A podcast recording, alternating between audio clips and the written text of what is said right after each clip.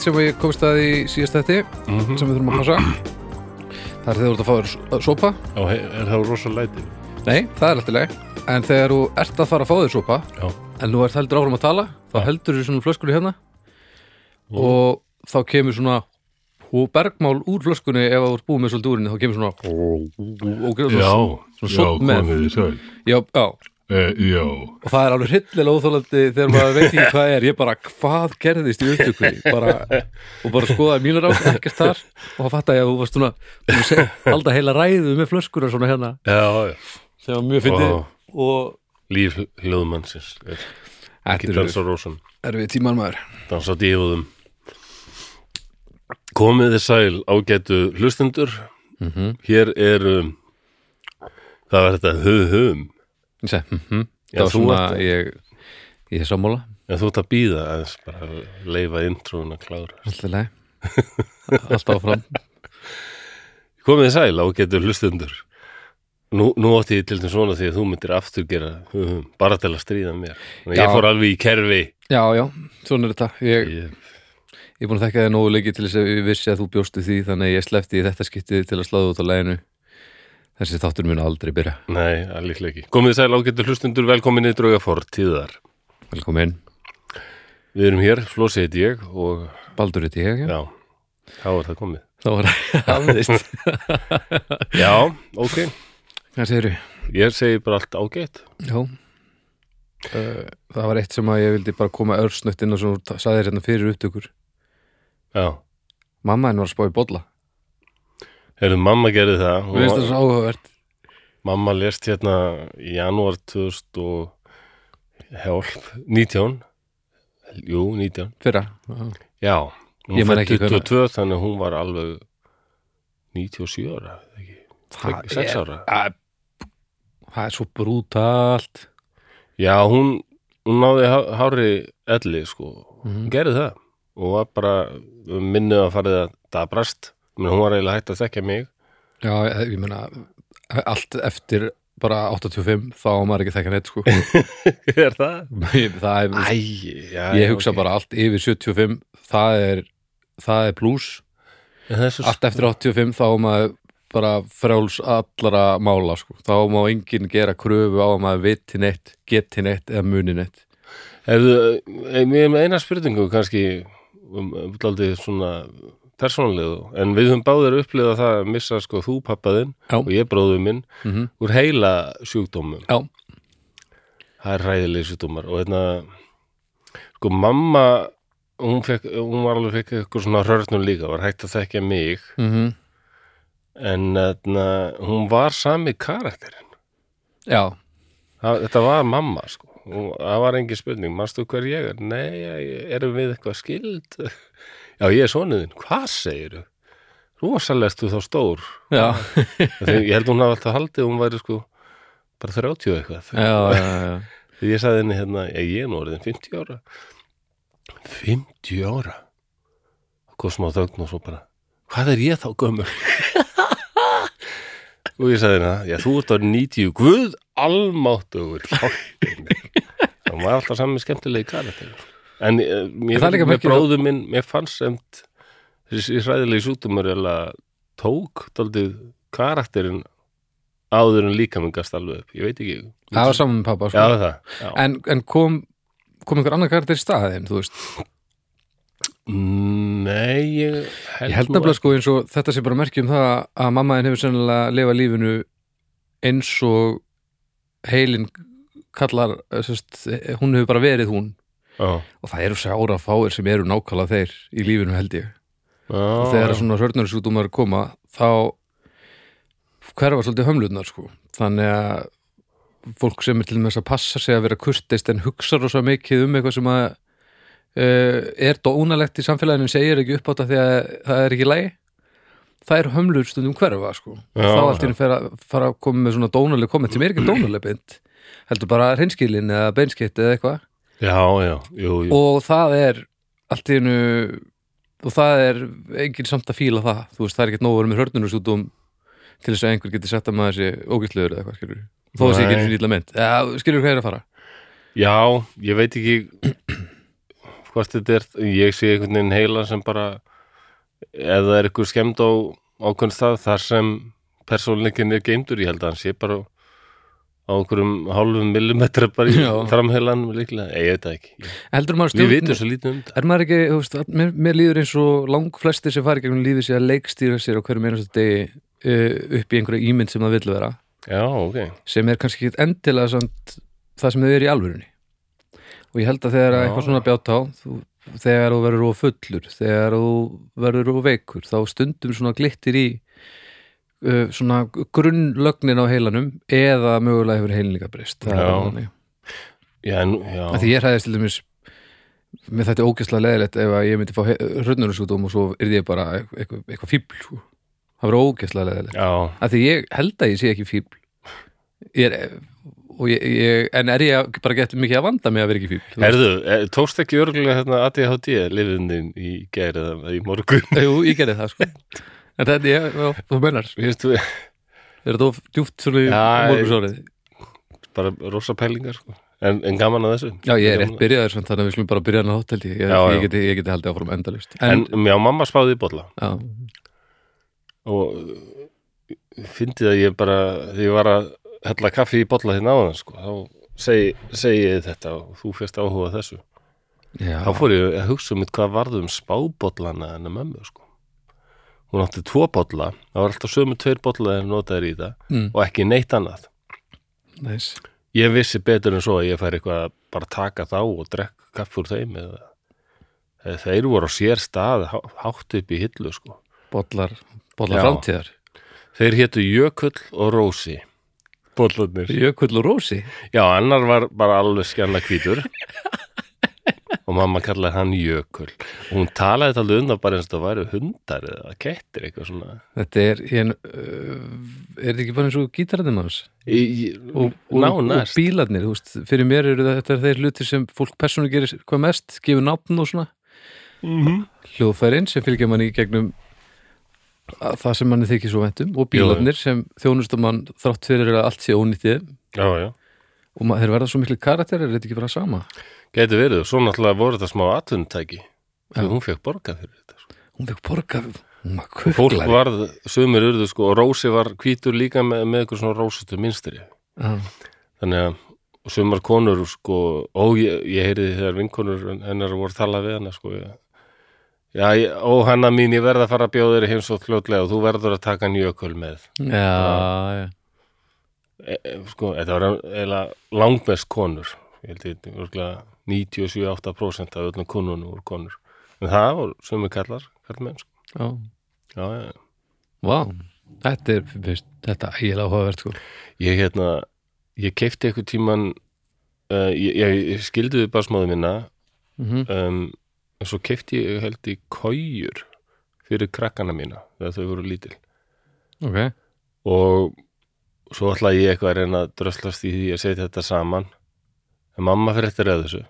Já, og þá var einn af hennar fastakúnum. Það var einhver trésmiður. Þannig að hún bara ringir í hann. Og Já. áður en svo bara ringir Helga barsmáð mín í mig og segir, herðu það bara komið til einhver maður? Á Jóhanna sendi mig hingað. Hún bara Og- sá í bollanum Já, þú ert að fara eftir, eftir tvo daga, þá sé ég að þú ert hérna að fara að vinna og Já Þetta var svo mömmulegt eitthvað og Helga bara, nú, já, ég hérna trésmiður á að setja saman einhverja kójur já, það eru hérna inni og hann bara, svo bara Vá. fór hún bara að heyra eitthvað skrúfur í og dót og já, þá var þetta tilbúið og Helga bara, þakka kærlega fyrir á ég að borga eitthvað, nei, nei, nei alls ekki. Vá. já, já, mamma bara er, hún, hún var bara raun kuklari já, já, það getur verið sko. hún sagði þá að hérna, það var einhver Æ, ég má ekki hafa þetta eftir það var einhver ma- manni sem mun mislíkaði sem hún taldi vera bara ekki góðan mann sko. Já, og hún sagði, hún sagði ofta, hún sagði ekki að hún hefði lagt eitthvað kukla á henni en svo, hún sagði bara að vondu fólki það, það, það því farnast ekki vel nei, á endanum hún bara pínu bara karma Já, og karmapælingar þessi, þessi maður þessi slubbert að kviknaði bílskurnum hjá honum og, og, og sonur hans voru eitulefin ekki ljótt að segja þetta. Ó, þetta er, þetta er æðislega En hún var svona bara hörku kona vestfjörðum, þarna Suðureyri og Ísafyrði og svona fiskimanna ættum. Já, Fátt hataði mamma jafn mikið eins og framsóknarflokkin. Á, Já, það, það er kristallaðist aldrei sko með þannig að þessi tókstræta milli sko þessara smábæja sem voru að byggjast upp, fis, fiskibæðinir mhm, og svo þessi gamli sveitabæðinir, landbúnaðurinn. já, og allir sem þekki eitthvað íslenska sögu ég veit að þetta var gífuleg tókstreita að þeir sem réðu áttu mest land hérna og þeir sem raun réðu Íslandi Mm. heldu aftur af af framþróun hérna já, sko. já, ég hef lesið greinar eftir Einar Benediktsson þar sem hann er alveg bara brjálaður að skrifa sko. Bara, hvað er að okkur, við erum bara að atlægi, hann er skrifið þetta í lok 19. aldar. Já, við erum að atlægi, það vita allir og aðrar þjóðir að sko okkar auður er ekki í landinu sjálfur heldur heldur í í hafinu akkurat en samt gerum við ekkert.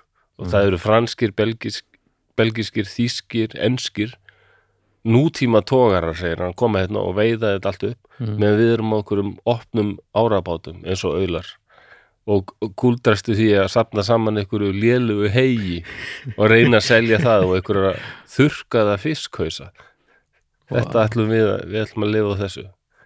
Bara, og menn voru reyðir út af þessu og ég skilða vel. Já, já, já, já, sjálfsög hryllilega pyrrandi og var, var þetta aðalástan fyrir hennar mamma en hún brjáluð við framsók Já, henni fannst aldrei bara bændur og og sko, líkhaldi gömul úrelt gildi bara. Já, bara væru á móti sjómönnum sko. Þannig að mamma var rauð allan tíma. Já, já, Já, já, já, þetta er merkileg kona sko. Já, mamma þín spáður ekki bolla, ég giska á það. Nei, ég held að pappi, hann hefði verið vísi að fara í þennan sko. Hann var Já. svona var, var í heilun og eitthvað svo leið sko. Já, það, það var nú ekki nóg sko, greinlega þér fannst þér eitthvað aldrei fyndið þegar hérna, mamma þín er nú í unnubræði hópnum. Já, mamma náttúrulega bara, eh, bara hlusta sko. Já, og hérna, hún kommentaði að hún var að spyrja um hérna Dennis Reiter, raðmórðingja sko. já, fannst þér eitthvað aldrei fyndið að sjá bara Nei, ég var bara svo ánæður ok. ég bara Mamma er náttúrulega, jú, gríðarleg áhuga kona um bara mannlegt eðli og, og allt saman alla tíð. En það var hún kennari, eða ekki? Endur kennari, jú. En, en hérna, hún var bara líka komið með hérna, bara punta í umræðina sko, Já. hérna, hún séð þess að þetta á rúfum um þetta slæma gen sem að er svona talið að sé í sumu fólki og sumir komist hjá því þetta óbyldisfulla gen. Var, Mér minnir hún hafi verið að vitni það þarna. Já, ok. Um, en uh, ja, það bara gladdi mér svo mikið að hún bara er bara með okkur í eyrunum að tala um raðmóringi og meðan hún er að labba á einhver fjöll og eitthvað. Það er bara svo glæsilegt. Heldur, ef að mamma þín var á lífi, var hún að hlusta?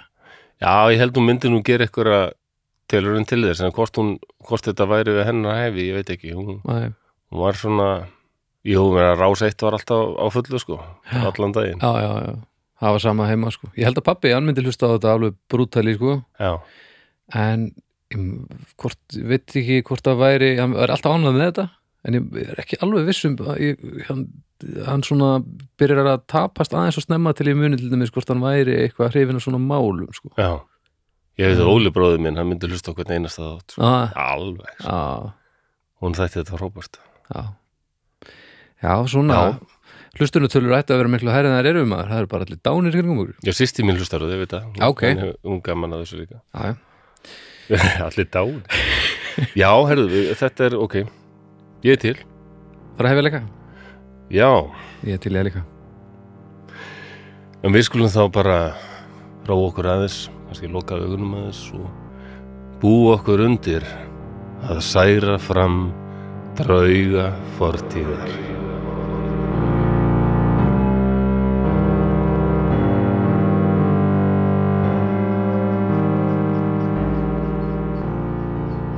Frakland 1917 Ímislegt á sér nú staði víglínuna Sagt er að óvinnurinn séð undirbúa stór sókn. Loftbelgi má sjá í löngum röðum víða um sumarheiminin. Þeir minna helst á einkennileg, þykk, grá ský á bláum heimni. Gott væri þó ekki nema eitt þeirra springi í tætlur. Menniðin í loftbelgjunum geta leiðbent stórskotaliðu óvinnarins, svo það er mikilvægt að taka þá út. Og það er því ágætis viðvörun til óvinnarins. Ég leggast það í bítið svo ég hefi sólina í bakið. Ég ætla að ráðast gegn einu loftbelgjunum. Ég flýg harra en ég hef gert áður. Hæðanmælunum sýnir 5000 metr. Loftið er þunn, ískall. Veröldin fyrir neðan mig minnir helst á risastórt fiskabór. Fyrir ofan lýr val, þar sem Rænhold, félagi minn, fjall í bardaga fyrir skömmu síðan, er óvinna vel á sveimi. Hún líkist helst lítilli vatnafló þar sem hún skuttlast í gegnum ráslagalegt loft. Þetta verðist vera könnunarvél. Ég læt hann í friðu um sinn. Ég ætla að skjóta niður þennan loftbæk. En úr vestri byrtist nú lítill depill á töluverðum hraða. Í fyrstu er hann smágerður og dökkur, en stækka róðum er hann nálgast. Nú sé ég að þetta er frönsk óvinnavél af gerðinni SPAD. Eins og ég er hann einn á ferð, ráandum himinin í leitað bráð.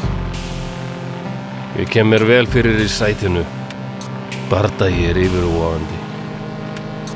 Við mætum hvora öðrum í sömu flughæð, aðeins hásbreyt milli vél okkar. Við svegjum báðir vélum okkar snögt til vinstri. Hinn flugvílinn er skínandi ljósbrún í sólinni. Nú hefst ringflögið. Af jörðu niðri lítum við líklega út sem tveir stórir ránfuglar í einhvers konar pörunarflugi. Hér uppi er þetta hins vegar dauðans alvara. Sá sem fyrstur fær óvinnin í bakið hefur tapað. Þar eða orðstuvélarnar geta aðeins skotið beint fram fyrir sig. Ólíkt könnunarvélunum er aftur hlutin alveg varnarlaus. Stundum förum við svo nálagt hvort öðrum að ég get auðvitlega greint andlit frakkans, föllt og mjóslegið undir leðurhjálminum. Í fymta skiptið er við mætumst sé ég að á vélarhliðinni rétt fyrir aftan vangina stendur eitt orð svart letrað. Víu eða gamli. Það fer um mig er ég sé þetta. Þetta er enginni Guinumers. Það er aðeins einn maður og þessari víglínu sem hefur þessa flughæfni. Guinuma. Hann hefur þegar sendt 30 þíska flugmenn í döðan. Guinuma sem er frægur fyrir að fljúa ætið aðleitt. Eins og allir hættulegi ránfuglar kemur hann æðandi með sólina í bakið, skýtur keppinauta sína í tætlur á sekundu broti og hverfur á braud. Þannig let vinnu minn Poots lífið. Ég gerir mig grein fyrir því að þetta verður sannlega bardaði upp á líf og dauða. Ég fer í hálfa lúpu til að frista þess að komast að honum að ofan. Á augabræði hefur hann átt að sig á fyrir ætlan minni og fer sjálfur í lúpu. Ég er eina sveigja og gunum að eldi mig. Er hann kemur úr beigjunni næra mér í velbissu miðið eitt augna bleik. Kúlurnar rífa sér í gegnum hægri vangin og ég heyri klingjandi hljóð þegar þær skella á stálvírunum. Ég reyni allt sem ég hef lært og kann. Þröngar beigjur og sveigjur hendist til hliðana en hann er eldsnöggur að átta sig á öllu sem mér kemur til hugar og hann bregst strax við. Ég gerir mig grein fyrir því að hann er betri en ég og flugul hans er betri, kunnáta hans er meiri en ég neita að gefast upp og held áfram þessari dauðans baróttu. Nú kemur að annari beigju, eitt augnablík hef ég henni í miðinu og í flýti íti ég hún hlappin á stýristönginu sem hleypir af vélbessunum og ekkert gerist. Vélbessunar þeia þunnu hljóði. Skotfara hleðslan er stípluð. Ég held dauðið haldi um stöngina með vinstri hendi og reyni að eiga við skotfara hleðsluna með þeirri hægri. Það er til einskís. Ég get ekki losað um stíflunum. Ég hugleiði að taka dífu og reyna að sleppa en geri mér um leið grein fyrir að það er vonlust. Færni keppinautar mín sem slíka hann myndi auðvitað ná mér og senda mig inn í eilíðin á augabræð. Áfram heldur dauða leikurinn. Við förum ring eftir ring og tökum krappar beigur. Þetta er stórgóðslegt flug en mikið er í húfi. Aldrei hef ég átt í höggi við slíkan flugmann. Í nokkra sekundur ímynda ég mér að þetta sé ekki hinn allræmdi guðnuma og finnst sem ég sé að keppa við gamlan kunningja yfir okkar eigin flugvelli. Þessi tálsín gufar þó fljóttu og ískaldur raunveruleikin grýpur mig heldögum á nýjan leik. Ég heilar átta mínútur hringsólu við í kringu hvort annan. Þetta eru lengstu átta mínútur sem ég hef lifað. Ég sé hann nú að kolvið fyrir ofan mig. Ég sleppi stjórnstönginu eitt augnablík og lem í bræði í skotfarhleðsluna með báðum hnúum. Vissulega er það frumstæð aðferð, en hefur stundum dugað. Þetta sér Gunema þar sem hann hangir í loftinu fyrir ofan mig. Það hlýtur að vera. Nú gerir hann sér grein fyrir hvað hrjáir þýska flugmenni, að ég er í raun máttvara. Aftur byrtist hann fyrir ofan mig og vél hans er næstum alveg á kolvi. Þá gerist það. Hann réttir út hendina og veifar til mín. Í sömu andrá tekur hann dífu til vestus í áttaður eigin výlínu. Áður en ég veit af er hann farin og ég er einn á flugi í ísköldu loftinu. Ég býð ekki bóðana og flík þegar heim. Ég er dofinn, alveg stjarfur. Sumir hafa haldið fram að Gunema hafi sjálfur verið með stíplaða hleðslu. Aðrir hafa sagt að hann hafi hræðist það að ég myndi reyna að fljúa vel hans í einskeri örvæntingu. Þessar útskýringar fælst ég ekki á. En þann dag í dag trú ég því að ég, þarna uppi í ísköldum hálóftunum, hafi orðið þeirrar gæfu aðnótandi að kynnast alvöru fordri rittaramennsku. Gunum að kvarfi bardaga einn dag og hefur síðan aldrei til hans spurst. Grafireitur hans er því miður aðeins ímyndaður staður en það megið þið bóka að þar leikur stór blómmundur frá mér.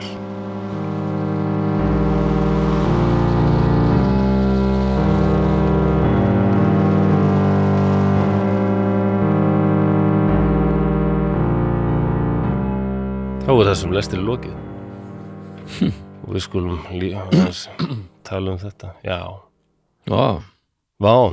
mhm, Já, þetta er Ernst Udet Þýskur flugkappi Þetta eru bókinni hans sem heitir Mein Fliegerleben. Mæ, mæ Okkur- flygalifin Já, ást, ást, Flugást mín. Já, já, eða leben, þetta er líf. Já. Fluglíf mitt. Þetta væri svona Ég elska fljúa Fluglífi mitt já. Ernst kallinn, ég held að, hann hafi verið góður kall. Já, Ég held að já, þetta er svolítið Old school Já, ég meina, þetta er 1917 sko. Mm Þá er fyrir heimstöldin búin að geisa í þrjú ár.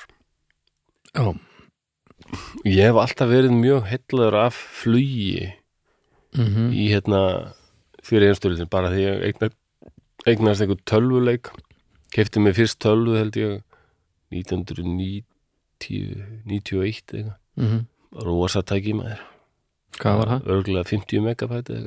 Wow og hérna ég man ekki, ég múr eitthvað 3, 8, 6 eitthvað mm, þetta hétt bara allt eitthvað Já, og hérna og fekk hérna hjá vinnu minn tölvuleikin Red Baron. Já, spilaði hann með mikið sko. fekk orsalega áhuga á þessu og hérna 1917 menn hvað flugið er mann er rétt 1904 sem rætbræður fljúa hérna fyrst. Já, fyrir að menn að flugið er glæð nýtt en þá Þetta gerist illa hratt þetta. Já. Það er oft sagt sko í stríði verða rosalegar.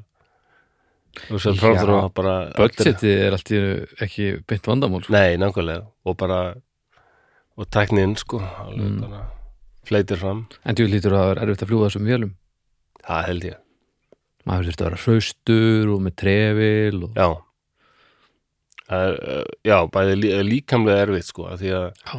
Þær voru úr tré. Mm og það er ekki vöggastýrið en eitt, þú þurfti að bara bara þetta var bara handavinna þetta er bara þetta er bara eins og að vera á risa stórum hellum kassabíl. Já, og svo sem flýgur. eins og hann, hann hérna, útætt í þessari orðstöðum var á vél sem heitir Albatross, ég held að hann hafi verið á Albatross D3 tegund. Og alveg eins og spatvélin sem Guðnum er, er á, ég held að ef mann rétt Albatross vélin var með tvær vélbyssur, mm tvær spanda á vélbyssur framan á húttinu fyrir fram af flugmannin -hmm. húttið, jú heit- já. já. góður. Sem skutu í gegnum hreyfilin já, það voru þjóðverjar eða reyndar hollendingur sem hétt það er nú nafn sem íslendingar þekki ágætlega, ágætlega Fokker já. Margir íslendingar hafa nú flóið í Fokker Friendship velum mm. og þær heita eftir Anthony Fokker. Anthony Fokker? Ég held nú að hollendingar segi sko Foka eða eitthvað svoleiðis. já, afstakið mig. En hann sko Holland var um, ef ég manna alveg öruglega þá var það hérna hlutlaust í fyrirheimstöldin já, já. en uh, Anthony Fóka Mm hann var hollendingurinn vann fyrir þjóðverja sko. hann Ok. hafði fullt af flugulum sko. það er svona eina bestu orðstu vel fyrir heimstyrjaldar sko. Býtum við vélbissu sem skýtur uh, Já, hann, þeir komast að því sko, þetta er svo fyndið sko, fyrst þeir byrjuðu með þetta þá náttúrulega var flugvölin bara notuð í könnunarferðir sko. mm það var eitt sem flög og svo var einn í sæti aftur í og hann var að taka einhverja myndir -hmm. og það var ljóst að náttúrulega var mjög góð í þetta flugvölin sko. Já. og þetta var náttúrulega, en ef þú ert óvinnurinn þá bara þá get, kemur þér, þú ert gjánaði með það að þú ert frakki og, og þjóðverðin er alltaf að taka myndir og sjá hvað þú ert að koma herjum þínum fyrir og Nei, er bara viss já, þannig að það þarf að losna við þessar vélar sem er alltaf, mm já, ef við ekki að búa til vél sem bara sérhefið sig í því að skjóta niður svona vélar, þá Mhm. var það orðstu vélin til, Já, cirka 1915 já, já, þetta var bara við þurfum vopt gegn fljúandi ljósmyndunum. Já, í raun. Það er illa hundi Jó, þeir gáttu líka eitthvað hendniðu sprengjum en það var nú mjög frumstætt sko. Já, já, ok. Mesta gagnið í flugvélinn var einmitt að könnunar Já, flug sko. En það verður til orðstuvélinn skjóta niður þessar könnunarvélar sko. já, og þá koma hinni náttúrulega með orðstuvél líka til að skjóta niður aðra könnunarvélar og endanum þá mætast náttúrulega þessar orðstuvélar oft. Já, og þá verða til þessir þessar hetjur, þessar frægu hetjur sko. þetta hefur verið daldi gert romantist oft þessi mynd af flugmannin við fyrir hinstöldinni og svona opnu kokpiti bara vindurinn og þessi langi silki trefill já og Þetta verður algjört ógið Þetta verður algjörlega viðbjúslegt allan það, Já. skítkallt þú heldur það? Já, Ég hefði þetta að segja algjörlega ég, ég held að maður fari upp í vélina og, og þetta sé romantist kannski þá til maður komin bara svona 200 metra loft. Þá fattar maður allt mann maður svona ah, alveg rétt, djúlega mig kallt En já, sko, en lífslíkur flugmanns á sínum tíma í fyrir heimstöldum voru miklu, miklu, miklu verri heldur ég að sko lífslíkur fótgöngulega og þeir voru ekki með fallívar þeir voru ekki með fallið hann Nei, þannig að ef eitthvað alvarlegt gerðist og þá bara þetta, eh, og þetta er eins og þú segir sko, þetta er alveg rétt, ég kynnt mér þetta. Þetta var hræðilegt þetta var ofsalega erfitt sko.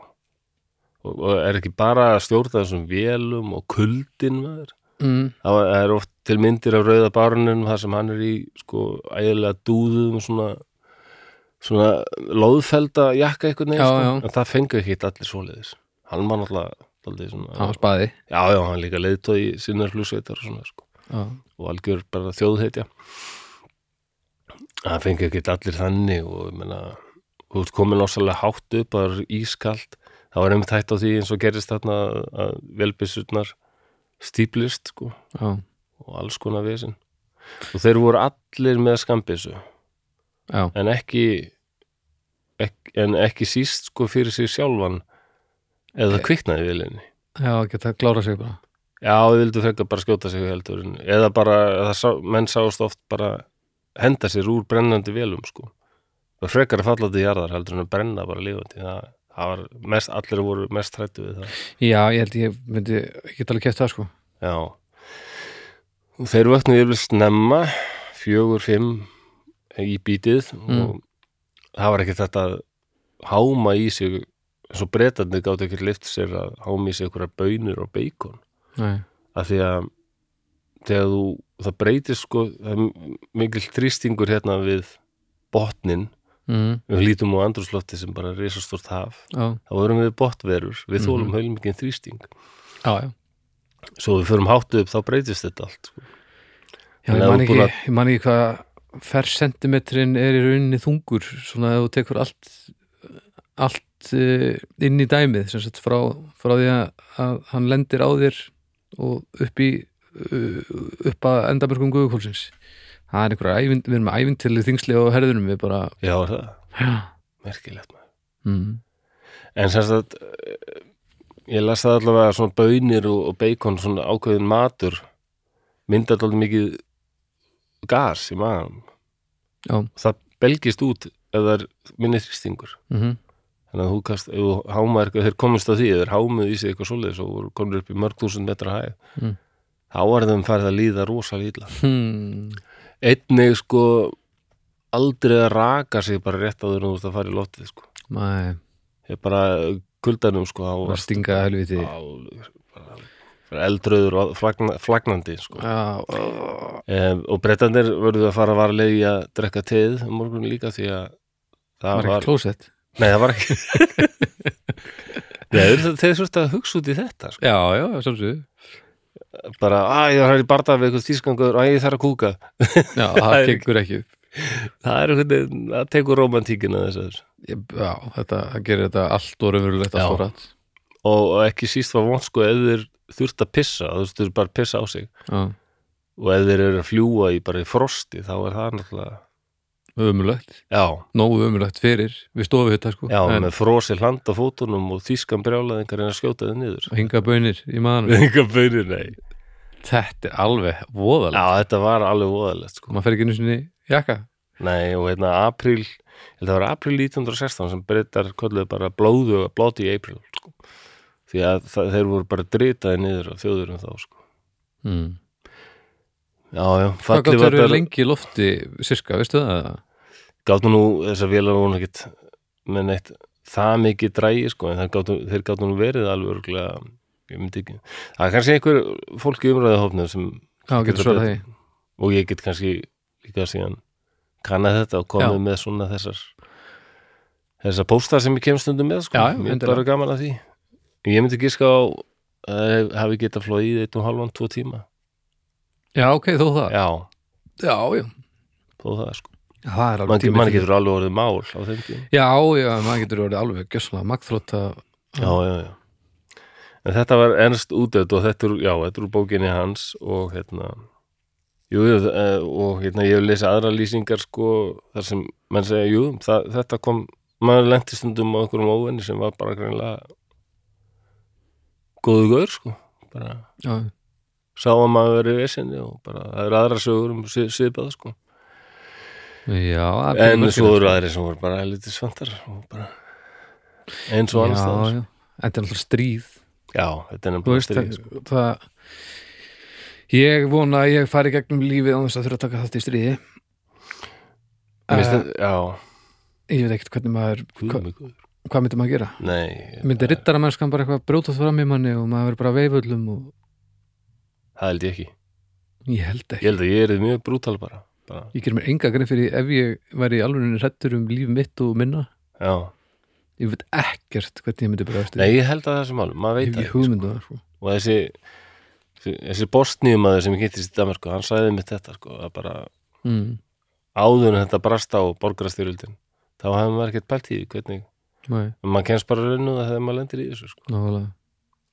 Fljótt að breytast maður hann vildi ekki mikið tala um þetta sko en þarna, hann sagði ekki alveg sagt þér það að þetta er ekki eins og í bíómyndunum sko. og sérstaklega ekki hvernig velbissur og, og skotrið fer með sko hann sagði líkur alltaf dálítið svona frekar falleg í já þau eru það ekki í alveg stríði. Nei, það er bara já, líka maður tætast í sundur sagði, hann, sko. verða óþekkanlegir það er svo mikil óþarfi já, þetta er Þetta er brútalt. Já, mér finnst stríði eitt að- bara eitt að óhugnarlegasta sem er og kannski þess vegna hef ég svo mikið áhuga á því. Og það hefur líka hvort það var Hindenburg eða ykkur hérna, sem sagði að war, eða sko stríð er hérna það var einhver sem sagði og ég mann hennan tilvitnin bara á ennsku war is the locomotive of history eða sko eða, eða sem stríðið er einhvern veginn það sem knýr söguna áfram.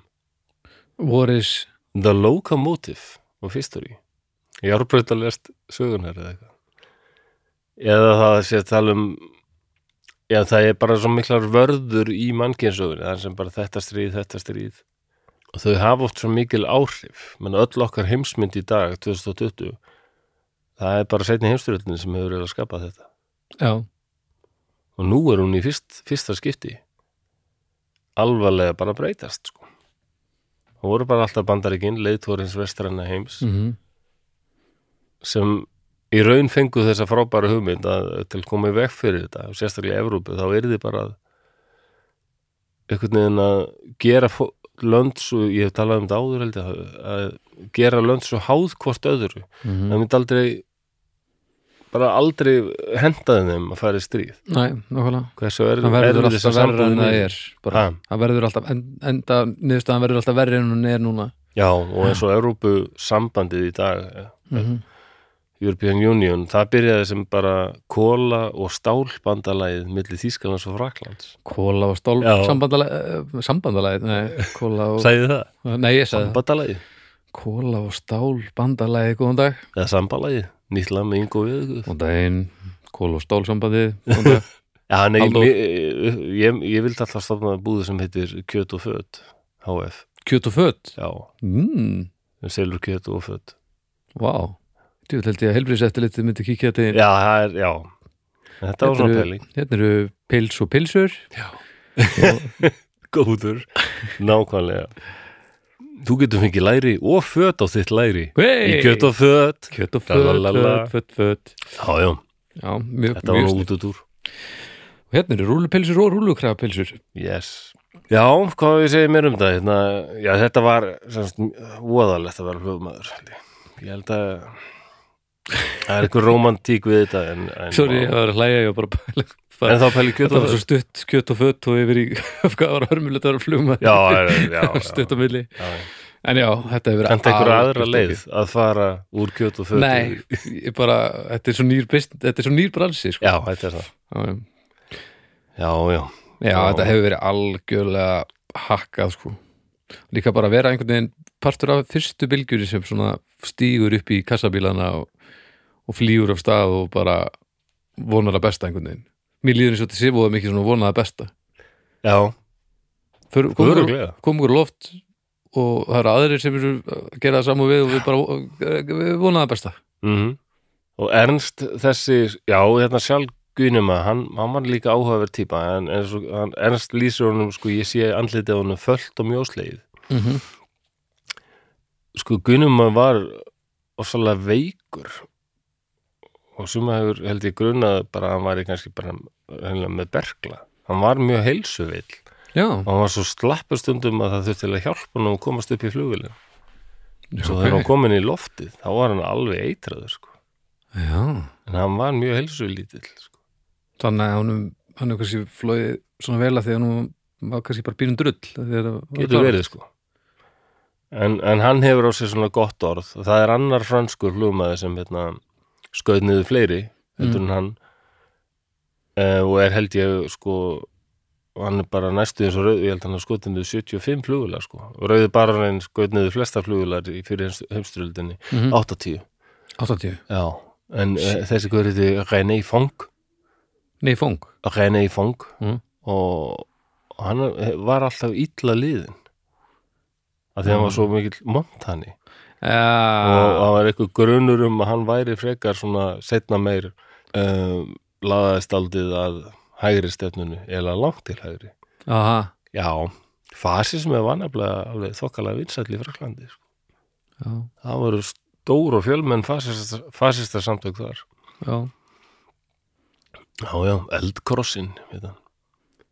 Hm. Hvað du fu Hvað er fyrir? Hvað du fu Já, það var alveg miljóni manna í þeim flokki. Hann var svona, já, svona jú, eða fasistaflokkur, eða svona mjög íhaldsamur, kannski íhaldsamur heldur en næsta flokkurinn í Ískalandi hvenær er hann þá að poppa upp? um, þarna upp úr 1930 Já, 30, 34, 5 er alveg rosalega ólga í Fraklandi og bara gífuleg átök og það eru bara það eru pólar langt til vinstri, alveg eldröðu kommunistar, sósaldemokratar Mm. og svo svona fasista samtök sko. já, já. Og Fraklandi setni ég hef mikið, ég gerir ritgerðin þetta í sakfræðin í háskólanum og Fraklandi setni heimstöldinni hefur heitlað mig mikið. Við höfum líka þar svona ímynd af hvernig var Fraklandi setni heimstöldinni þá sjáum við einhvern mann með velbessu og, og svona Flotta alpahúfu alpahúfu, la resistance Já, og að sprengja upp ykkur í járbraut og þarna, krakkar já, já. barðist svo mikið því miður er þetta rosalega rómantísk ímynd sem er ekki alveg sönn sko. það voru vissulega anspjördu sveitir en það var mjög svona hægri sinnu þung. Þau í Frakland og er enn. Það er líka bara svo erfitt að að finna stereotypu lands í gegnum heimstyrjöldina af því að það er eiginlega, það voru svo fáir sem náða að halda sama þræði í gegnum allt dæmið. Þú þurftir að aðlagast breyttum aðstæðum stanslaust og allt í unum var sá sem þú varst með í liði orðin óvinnurinn, sko. Jú, jú, Þannig að, að ef þú ætlar að búa til meðaltalið af stereotypunni í gegnum stríði, þá ertu bara með einhvern sem er bara hippi, bara með öllum í liði, eða anti-hippi. En okkur leitustu við svo mikið oft við að reyna að sjá hlutina bara einfaldaða. Góður, vondur, svartur, hvítur. Það er náttúrulega réttlæta sem það slæma sem við verið gert í þáu betri framtíðar. Og það þarf ekki að líða rosalega langur tími til langur til þú getur romantiserað voðaverk svo lengi sem þau hafa stuðlað að því að he, heimurum verið betri staður. Mm. ef hún er að mata það þannig þá er allt í einu velbissun orðin eh, romantísk sko. Já Mér finnst þess að Che Guevara og, og Castro og það allt saman. Ó, Tjeki var, ekki var hann er, ég, Ertu múin að lesa eitthvað um hann? Já, veist, ég fór til Kúbu þarna Já, ég, 2006 og... er, það er ennþá myndir af honum á húsum hann eða ekki? Já, jú, jú, jú, og meina bara út um allt. Og hann er bara hann er náttúrulega bara uh, í þessari þessari svona guða tölu að sumu leiti en þannig þetta dag, sko. Já, en svo það fer því við hverju að tala sko. Já, Það er að segja já, bara þetta er ógeðfeldur maður Já, algjörlega. En svona heilt yfir, pop ímyndin á honum plakkutin sem voru út um allt og allt þetta. Jú, jú. og þetta er bara uppreisnar seggurinn, romantíski Já. það er hugmyndin, sko. Mm Þetta var náttúrulega erki deli, sko. Já, örgulega hann var alveg brútal sko. og, og, og, og svo kemur náttúrulega í ljós að hann gæti ekki stoppað þegar þetta var búið og var hann að halda áfram hann fór bara Já. annað Já, hann drafti bóliði Já, og í bólu við að reyna að gera þú veist, Já. alveg grillaði sko. Gott að hann fór ekki til Afríku líka og reyndi eitthvað Verða rosa byltingalið tói allstæður Já. það er ákveðna mægerir sem svona get ekki stoppað sko. Nei, nei og þessi náttúrulega geðveik mynd af honum þú mm. gott, ógæslega gott publishing, dót, Já, já, flott grafík jú og þá gleymist þetta bara að kanna hvað menn voru að gera sko. Já, já, þeir eru, eru sval, svalari sko, ég líka sem myndir af hérna, hann hétt hérna, ég held að hann heiti Batista sem var einræðisherra á Kúbu Já. fyrir byltinguna sko og hérna hann og hans gaurar sko þeir, þeir tapa í sölustráka keppminni við Castro og það er engin spurning sko þetta er að, ímyndin er góð hjá Castro Já. og félögum sko. einhver svona feitur einræðisherri, einhverjum búningi með orður og svona já, já. Já, og hérna sjálf Guinema ok, svo, hann, en svo hann lýsir hann ennst, þá hvarf hann bara. Það veit ekki enginn hvað gerist hann bara hann var í ykkur orustu, það voru orustur og menn vissu að, hann væri þarna. Mm. var að keppa við ykkur að flugvel og svo bara menn hurfu stundum sko. já, krassa þarna og eins og bóstnýjumæður hann mannsúr skunni ekki minn sko sagði manns líka minn bara bara fyrir tætlur bara, það er ekki þetta að finna neitt nei, þú veist ekki hvað er hvað. Ef þú, ef þú rapar í kassabílniðinum þá er ekki að fara að finna þig veist, þá ertu bara bara smörður yfir eitthvað svæði. Ég, sko 1995 þá mér langaði svo rosalega að prófa að fljúga í svona að ég ringdi í Björn Tvorðarsson flugmann mm -hmm. Já, 25 ár síðan. Það er að fara endur taka þetta. Og ég er rosalega loftrættur já, ég bara varð að prófa þetta. Ég er ekki flugrættur þetta en ég er náttúrulega inn í einhvern svona stálskrokk já, og já, ég veit að fólki sem var að stjórnunum það hefur alveg farið á eitthvað námskeið. Já. Það er ekki, ert já. ekki með þann berfætta nei, nei, það er það er búið að læra eitthvað sko. Og hérna og ég ringi Björn Tóraðsson ég var bara að tala um þetta við vinn minn sko hérna, og hann sagði rosalega mikið, veistu mikið um þetta? Veistu, þú er örugglega gaman að heita Björn Tór hann er líka svona áhuga maður um flugsögu og svona. ok, ringdu bara í hann og, hérna, hann er, og ég bara ringi Björn og segja hann mér sér gífurlegur áhuga maður um flug í fyrir heimstyröld og ég heyrði það strax að hann bara, já. Alveg, hmm. Mm. og hérna og mér langar bara að prófa að fljúa í svona tvíþekju. Mm opinni sko, ekki með gleri yfir. Já, já, við ættum nú að geta það, það er ekkert mál. Og svo hitti ég hann bara og, og við fórum í flug. Nei, jú, jú. og hann var snill og hann var alveg bara á fyrstu mínútin að bara, já, já, þú fyrir áhuga maður flug og, hérna, já. þú veist að hérna Göring var einn af þeim langbestu flugmönnum og hérna, hann vistist þetta sem er alveg rétt, Göring var frábær flugmaður. Hann að prófa þig? Já, ég held að hann var eitthvað svona að prófa sko Þá- held þetta að vera er á- september og ég sagði já, það er nú einmitt bráðið mér bara 98 ár frá því að Werner Foss var skotið niður 23. september þá sá ég bara ég var búin á kallinum alveg sko. Já, ég hefði nú samt ekki nálgast þetta svona ég hefði nálgast, ég hefði logið einhverju séð hvort þú hefði spottað það sko já, já, hérna Goebbels var hérna besti hálfgræslumæður uh, þriðaríkisins, vissir það? eitthvað svona, þú bara eitthvað, já, já, já það var rosa f- flottur sko. Nei, ég held að Björn uh, sé ekki þannig tífa veginn. Ná, það ekki, bara. Ilse Kokk, hún var hérna sá alltaf með móttuna Sitlers hann var svona greinilega flumar að gamla skólan sko. hann var að tala um það eru margir sem er að læra þetta núna og þeir eru bara að hugsa um að fljúa þessum þótum Já, fram og tilbaka alla sína yfir sko, og vita ekkit um þetta sko. vita ekki að Immelmann Turn sem er velþægt hugtak í flug flug í dag mhm. og ég alltaf þið heyrið að menn er, er flugmenn sko. Já, veist þú hvað Immelmann Turn er, já, já, vita það allir flugmenn. En hver var þessi Im- Immelmann spyr ég þá. Það veit ég ekki. Nei, þá var ég að segja um það að Max Immelmann var hérna þýsku flugmaður fyrir heimstörðinu og eiginlega fyrsti svona alveg svona flug ásinn í bara allri sögunni sko, sem var svona frægur flugmaður. Ok. Örnin frá Líl hann kallaður. Mm. menn voru skelvingulostnir þegar hann byrtist sko. hann var svona fyrsti vorustu flugmaðurinn.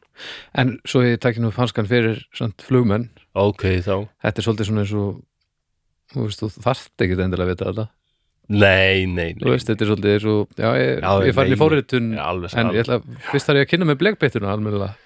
Þar það ekki en já, þurfum við að vita eitthvað um sögu, það er spurning.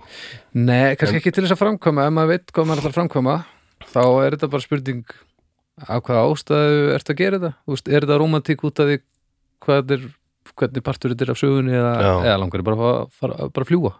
Langar bara að stjóra, stjórna stórum faratækjum já, mitt það er alveg en já, já. En mér skildi svona Byrni þá 25 ár síðan sko, hvað er ég að bladra hérna Björn, ég held að hann sé þá lífi. En að hann vil kannski ekkert að ég segi, segi þetta. En ég skildi svona á honum hann var að gamla skólan sem hefði áhuga á sögunni og bara hvernig, hvaðan það flugið kæmi og og, það er líka mjög mikilvægt. Já, ég held að hljóta það. Ekki skilda, en mikilvægt. En ekkert að, svo sem að raunið við þá sem hef ekki áhuga á þessu Nei, alveg rétt, nákvæmlega, nákvæmlega, þetta er einmitt bara hvort tökja þarf að vera til. Sko. Já, annars vegar svo hlutinir séu gerðir og kerðir áfram og hins vegar svo að hinnir hlutinir gleymist ekki. Jí, þetta var, þetta var rosalega flugferð Já, segðu mér, frá því maður. Að fara í svona lúpu það er ekki það er bara hjálp menna, taktu bara rosalustu rússíbana ferð sem þú farið í og markfaldað með hundrað sko. Bara- Ég farið í lúpu í vél sko, en hún var lókuð hann sagði bara, er ekki að ég er spáði að taka smá svona split S. Bara, ekki að prófa að fara í lúpu þannig. Jú, jú, ok og bara, bara auðvísar þá bara var ég á kolvi og reykjaði fyrir ofan mig og ég heyri bara vindurinn alveg bara og ég hérna, ég ætla ekki, ég ætla ekki að öskra ég ætla ekki að öskra ég ætla ekki að öskra. Og ég vildi það náttúrulega ekki af því að hann heyrði í mér sko með mikrofón sko. og ég réð ekki við mig ég bara, mægin í mig fór alveg upp í kok. Æ, æ, og ég þrýstist svo, og svo þegar hann kemur þetta og hann fer aftur upp og svo þrýstist ég niður og mér fannst ég vera þúsund kíló eða eitthvað sko. Hvílið þrill sem þetta hefur verið sko, að vera í loftbarda þetta hefur verið alveg bara og þegar ég les þessa lýsningu út á þessum barda og hef sjálfur farið í svona vél sko, einmitt, og farið á kvolf og bara verið að þeitast um sko þá ger ég mig grein fyrir hvað þetta hefur verið hvað maður hefur þurft að leggja þetta á sig til að halda kúlinum Já, ég held að ég held að svona hinn venjulegi ég Já. bara allir venjulegir. Ég held að við gerum okkur enga grein fyrir hvað þetta hafa verið hillilega átök sko. Nei, held ekki. Ég held að, veist, ég var í fluginu manni og var að hugsa með hvernig er þetta verið þegar voru hundrað svona vélar hendast um himmelkólfið sko og vissir að sumur að þeim voru að reyna að skjóta þig. Nákvæmlega. Ég bara, þetta verður hryllingur sko. Alltaf að, um þetta horfa í kringu sig sko bara og stressið og ég lesið sko menn sem voru að fljúga svona einir sko. Vissum þetta um þetta sólinn svo orsalega stóra björt. Já, menn reyndu oft að kom, ráðast á þig úr sólinni. Mhm, það er sagt að flestir flugmenn sem dó í, voru skotnið niður í fyrir heimstöldinni, alveg 75% öruglega, leiðis þeir vissu aldrei hvað gerðist. Bara allt í henni bara já, tættist Allt allt, var- í kringu þá og þeir sjálfur og já, bara, og það svo, svo pyrrandi já, það er ekki eins og smá sén sko. Nei og sko og sko og fram að því að vera skotin bara allt í einu já, þá er engin afþreyingum borð. Nei, nei, nei. Það er ekki eins og kaffi. Nei, nei. Að, út þetta var enda frægur fyrir að verðum brúsa. Hann var ekki með kaffi. Var hann á raskatinu? Hann var með konjak. Í var hann, já ok. Út þetta var, hann var drikkveldur og hann var svona kvennabósi sko. en húnum er sko hann, það sem hann setti á vélina sín, það, hvað var það? Var það var eitthvað kvenmarsnafn, Mm. Klara eða eitthvað, á kærist hann sko. það er mertu vélarnar sínar, sérstaklega þjóðverðarnir sko. Um, þeir fengu ná sko, það var mjög strangt í, hjá bretum sko, mátti ekkert mála vélarnar og svona, það var bara, þú varst með engin númerið BR kannski. Mm BR5 og ég verið með FT8 eða eitthvað svona. -hmm. Hvað voruð þið ekki með þóttinu það? Nei, nei, Já, þú hefði fengið þarna ja, þú trúðir samt ekki hvað þetta þotn hefur valdið með miklum, ég hef stundum bara verið að spá ég bara að breyta eftirnættunum í Porger, Porgerson. Porgerson? Já, það var einfaldara. Porgerson, Já, en þá eða Dorgerson eða, En þá, eða Torgerson, bara með T. Allavega ekki por, por, þú veist, Porgerson er Nei. pínu eins og þú sett bara Gautarsonur Það halda bara svo margir að þotnið sé P sko. Já, Já, ég var eins og með Ham í New York að spila þar og við áttum að fá okkur svona nafnspjöld. Mm. og þeir strákarnir hérna Blondal, Prope, Kjartansson og þá var Hallur Ingólfsson drómarinn okkar, Ingólfsson. Það er ekkert mál að finna það. Svo er ég bara, ég hefði líklega þegar ég var að senda út upplýsingur um mig í heimskum minni skrifað þótt og um ekki amerikanandi er alveg bara, bara what the hell says og þannig ég fyrst er í hérna þetta fyrir T-ið. Ég held ég að skrifa TH Já. og með þetta vera þessi röð. Og þetta var margir tónlistamenn í New York að þetta var eitthvað svona sem er kallað New York Seminar. Það var mikið tónleikum út um, út um alla borg. Þetta var allavega og, og fyrirlestir á allum fjandinn sko. Okay. þannig að fullt af fólki hérna ná í nafnsvöld ég, og ég bý, býð í röð þarna í tíinu og ég finnst ekki. Og strákandi býða þarna eftir mér. Og hérna og ég bara, hvað er allir þetta getur já, þeir hafa haldið þetta að vera P. Ég hef kannski skrifað þótt, fatt að ég. Mm ekki TH þannig þeir hafa haldið þetta að vera P. Og ég fer að leita að Porgersson það er aftur að býða í röð. Og nei, ekki Porgersson og ég er bara alveg maður, hvað er anskotan með þetta? Og fyrir einhverja rælni þá fannst Dorgersson Dorgersson, já, með D.A. gamli Dorgersson Og Dorger, hérna, það er nú strákað þeir voru pingu og þreyttir búin að býða mér í klukkutíma. Djúli Dorger fallett nafn. Það er alltaf að vera dæmdur til þess að verða svona hérna, fá sér trillu. Já, mitt að fara að dorga. Dorger, en já, hvar voru við stættir? Ernst kallinn hann já, með þessi sjálf Gunni með hann lést bara í fyrir heimstöldinni Mm -hmm. eh, Ernst liðan af og varð hann átti mjög erfitt með að fyrst að skjóta niður aðra vel, hún fannst þetta bara svo elskaði að fljúga hún fannst þetta svo grindalegt að þurfa að gera þetta. Mm. svo var ekki fyrir fljúsvita fóringin að sæði sko, bara þú verður að gera þetta þú voru bara að muna þessar könnunarvélar. Þær sjá þær sjá hvar hvar við erum að staðsetja strákar okkar að gjörðu niðri. Mm svo franska stóskotaliði geti bombað á sko -hmm. þú kannski tekur út könnunarvél þá ertu kannski að bjarga lífum nokkur á þúsunda þýskra hermanna sko. þá svona ennst bara sá, já ég verð bara að gera þetta Mm. ég er í þessum aðstæðum og það bara Fuck it og hún fannst það gífulega erfitt, hann skrifaði það í bókinni þetta, þetta er ekki eðlilegt segir. hann. Nei, Það- það er ágætt, veist, þetta á ekki að að skjóta á vél með tveimur mönnum í og senda það í döðan sko, þetta er bara og hann, já hann átti í smá vesinu með alkohól sérstaklega eftir stríðið eins og margir herrmenn og, en hann var æðislega góðu flugmaður að hann fekk alveg daldið vinnu. Mhm. um, ég hef oft verið að spáði hvort hann hafi komið til Íslands. Ég veit hann kom til Grænlands það var eitthvað mynd sem hann tekin upp þar. Ok, svo taka Nastar völdin og Ernst og Hermann Göring voru vinir sko. Já, ok, hann var alveg þar þá er hemmi alveg bara hérna, ég er þetta í góðri vinnu maður, já, já. Og gerði hann að svona umsjónarmanni eða sko hann var að átt af yfir umsjón með nýjum típum flugvela sem voru að Já, komin og það var rosa pressa á hann gallinn. Ok, og Göring var alltaf eitthvað að anda niður hálsmála á hann, það var líka pressa á Göring frá Hitler og svona sko. Já, það En- er pressa sem að er einhvern veginn svolítið trúandi Hitler, Hitler andandi og nýja hálsmáli mist kól frá Hitler maður, shit. Já, eða eitthvað svona, já, svona heyrir fyrir aftan öxlunar já Hermann? Hermann. Hermann. Það er vélinn og já, já. Já, og ennst greið hann bara að meika þetta ekki, hann frá til sjálfsmorð. Nú, já, og það er sagt að hann hafi skri, skrifað skil eftir blaða þar sem stóð bara stóð eitthvað en það stóð meðal annars eh, Járnkarl, þú brást mér. Og Járnkarl var gælu heitið hans yfir Göring sko. Járnkarlin Mm, já. Samt skrifaði hann sjálfsmálsbrif um Göring. Já, þeir já, já, ja, myndur þjóðvera þeir eru náttúrulega mjög weird þú veist, þeir eru skrýtnir. Hann fyrir maður að vera. Já, ég veit ekki, ég held að Guðurinn hafi ekkert verið já, já. Hann- Þú veist að í Nürnberg, réttarhöldunum þá voru þeir allir sendir í gáfnapróf Já, og Guðurinn er alltaf, hefur sér myndir á honum. Já, maður dæmir hann strax sko, hann Já, já. feita bjána sko, já, hann, hann, feiti nasistin hann er ekki svo sem maður hefði hann er ekki kosin fyrst í næsistana hann, ég með minni að hann hafi verið með alveg yfir 140 IQ sko.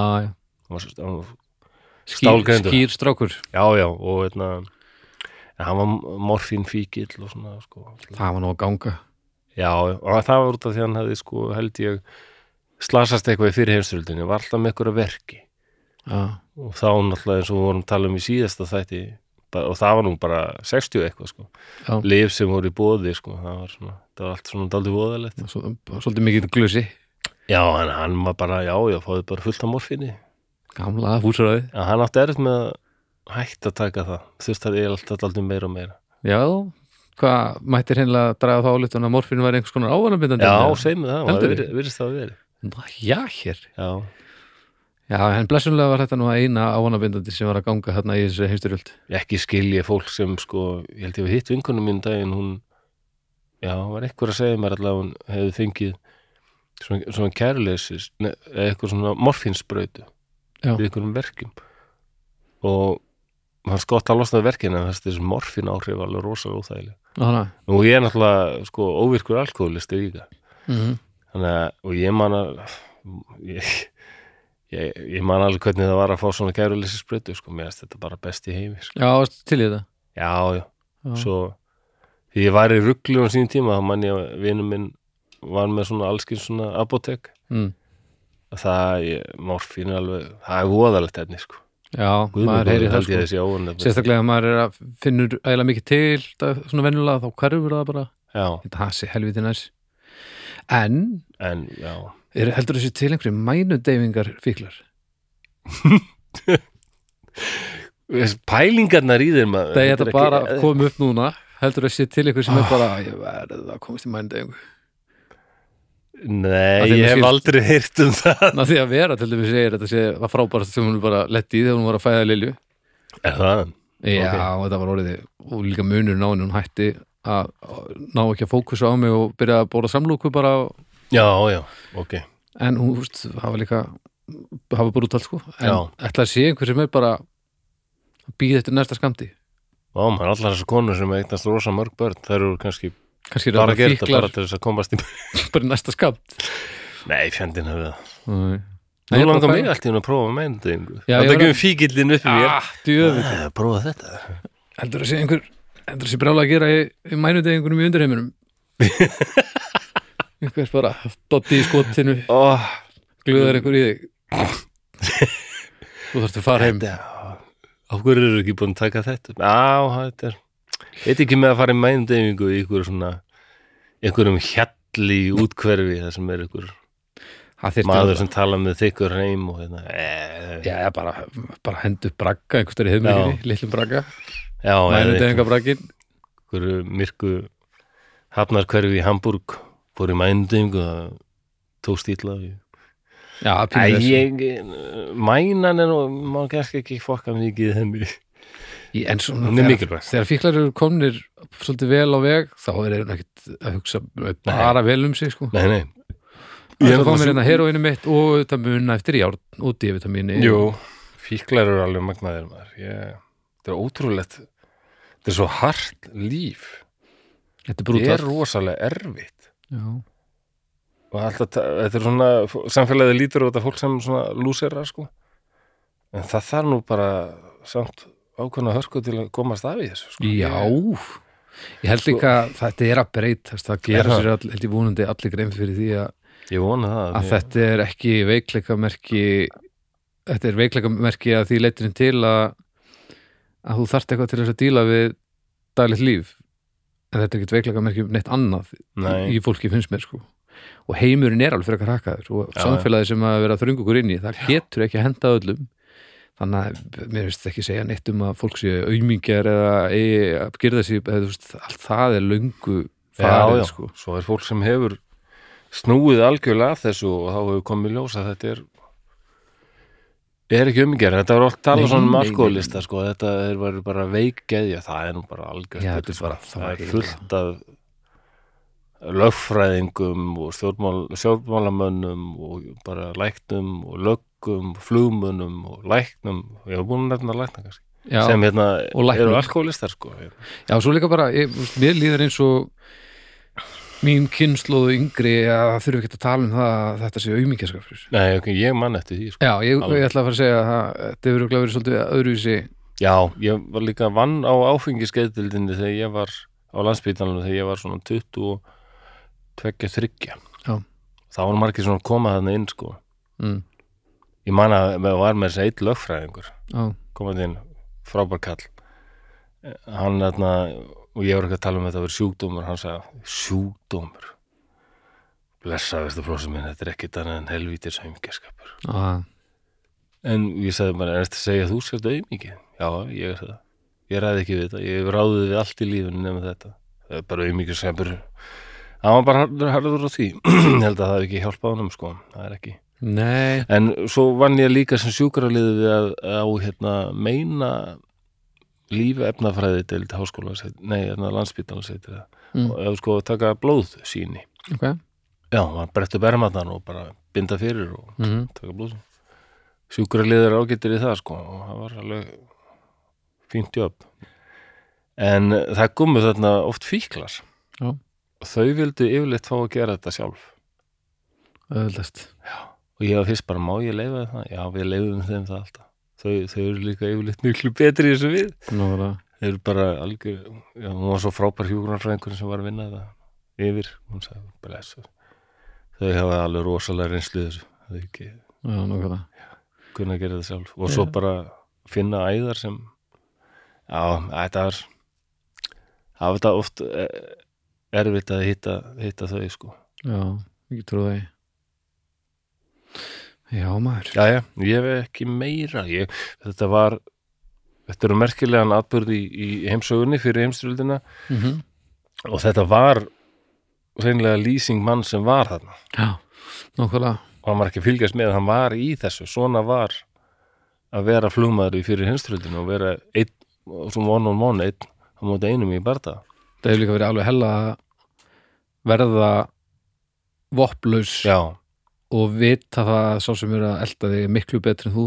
Nákvæmlega. Og lifa það Já, það er freka næs. Það er plús. Já, allavega ætti þetta að vera það mikill plús að þú ættir ekki að að skrifa sjálfsmórsbrefi til nasista eins og einhver unglingur. Er þú ert fúllið því? já, hvað villis er þetta? ef þú ætlar að drekka því heil eða, eða stimplaði út eða eitthvað ertu á með einhverja Já, en þeir voru miklu víst, já, en fyrir mann að vera. Hvað er eitthvað. Góð, nýslaður já, að hengja sig á einhvern nattara fylgjast með einhvern flugvelum og, og kála sér að að það eru marga flugvelar og, og, og hittir eitthvað bögga vinnans og wow, dramatíst þetta nasistalið Já, ég er sammála því. Finnst það svo fyndið þú- Já, líka þegar að tala um þarna konuna sem fattaði að pabbinar var raðmörð þá varst eitthvað að tala um að það er svo hellað eitthvað að fá svona tips gegn innbrotsjófum frá raðmörð það var eitthvað svona já, hérna. það er það. Þetta er bara ferlegt.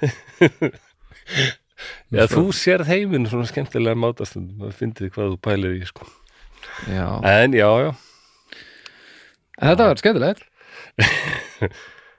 Já, já, ok, það er gott. Já, já, við höldum þessu áfram. Erðu, nei, þú glemdir aftur að minnast á hljóðkirkjuna í byrjun þáttarins maður Þetta, Ah. var alveg móðalegt já, það er rétt Þú verður að taka þann lestur núna Herri, við gerum það núna. Það er hljóðkirkjan, já, eh, sem er hlaðvar samstefan sem að draugar fórtíðar er partur af. Í fyrra dag, þá var nýrþáttur á Dómstigi. Eh, hann eh, finniði á öllum helstu veitum sem og eh, snæpir tala við fólk, það er nýrþáttur á morgun. Og er að hlusta á rauntíma, annars er hann alltaf á fyndum og föstutum verða besta platan. Það sem að, að snæpirn og Arnar Egert tala um músík og ég hlusta og, og, og svona reyna að halda þeim á teinunum með misjöfnum árangri. Og svona gengur þetta vik eftir viku. Mm -hmm. og við að sjálfsög mælum með því að þið tekkið á öllum þessum hlaðverpum og, og finnið það sem hendar ykkur og, og hunsið það sem hendar ykkur ekki. Eins, þetta er bara eins og allt annað í lífinu. Já, um, annars er ég bara nokkuð góður er eitthvað sem þú vilt bæta við? en ekki nema bara að við sem íslendingar það er eitt sem við ættum að vera betri í það finnst mér að, að, að rósa hvort öðru þegar við Já, okkur finnst virkilega að einhver er að gera eitthvað gott sko. já, Ég verið mjög ánæður að ég fengið sko skilaboð frá fólki sem ég þekki ekki neitt bara þakk fyrir frábært podcast ég held að sama. yngri kynnslóðin sé að verða betri í þessu heldur en svona til þess mín kynnslóð og hvað þá fólkið eldri kynnslóðina undan mér sko. Það var bara, já þetta var ágætt Já, bara ef maður fær skilabóð frá einhverjum sem er eldri en 60 þá er yfirleitt bara já, þetta er nú ekki algjör mannaskýtur sko Skúli Sverrisson vinn minn, bassalegin hann sagði mér að einn helsti munur sem hann fann þegar hann fluttið til bandaríkjana Já, og fór að læra þar og spila bassa þar mm. að hún með þessu lítið verið rósaður já, það var bara bandarækjumenn og alltaf "Ah, það var æðislegt maður. Geði mér svo frábært þegar þú gerði þetta og bla bla bla og Já. hvernig þið tókuð þetta lag og þetta, þetta en svo Íslandi er alltaf verið hérna, já, hefur þú tónleikarnir hérna, þetta var bara ágætt. Það þetta var frekar, hefur mátt vera betra sánd hérna og sner- sler- snerlunum samt, það var svona bla bla bla. Það voru fólk að pæla ykkur svona sko. En minn, það getur samt líka verið ástæðan fyrir því að að hlutfalslega þá erum við með óbáslega marga góða tónlistamenn það er bara því að þeir vit ekki að þeir eru yfir meðalmenn sko, þegar enginn látið þá vita. Það er ákveðin pæling sko. þannig að kannski hefur aldrei að hrósa og þá erum við að fara að framlega sko, ég snillingar ekki. Ég held að að- getur verið jákvætt bara. Já, ég, ég er nú ekki til í að þetta alveg í kanan kannski, ekki, nei, ekki nei, full ég, kan nei, nei, nei, nei, nei. Ekki full kan á mig, takk. Nei, en svona, ef mann virkilega finnst eitthvað alveg, þá held ég að þú Já, En ekki bara svona kannin á til að vera svo, svo yfirbórskend. Já, maður trúir ekki öllu Já, já. en það er kannski líka þegar maður er óvanur En við hefum gott af því til dæmis, drauga fortíðar, ef fólki finnst þetta virkilega frábært, segið frá því. Það er það sem við talum. Og líka Já. með hina þættiðan, Dómstæður, Snæbjörn Algjörlega. talaði við fólk og besta platan. Algjörlega, algjörlega, ekki spurning eða ekki, ég, Það það var bara það sem vildi koma. Já, það var bara vel til fundið og einmitt að fara inn á til dæmis uh, Apple Podcasts og uh, ef þið hafið tíma til að skrifa review þar til dæmis þá bæði hjálpar það okkur algoritma væs og líka fólk les þessi review og tekur mark á þeim. Mm þannig að ef þið vilja aðstofa okkur um að við að stekka þetta enn frekar þá getið gefið stjörnur og, og review.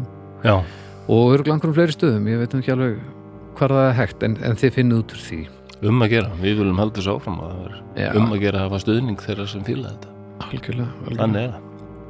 Herðu, þetta var gaman Já, takk fyrir samleiðis. Þú kveður. Já, við þökkum bara kærlega fyrir dag og við heyrumst að viku liðinni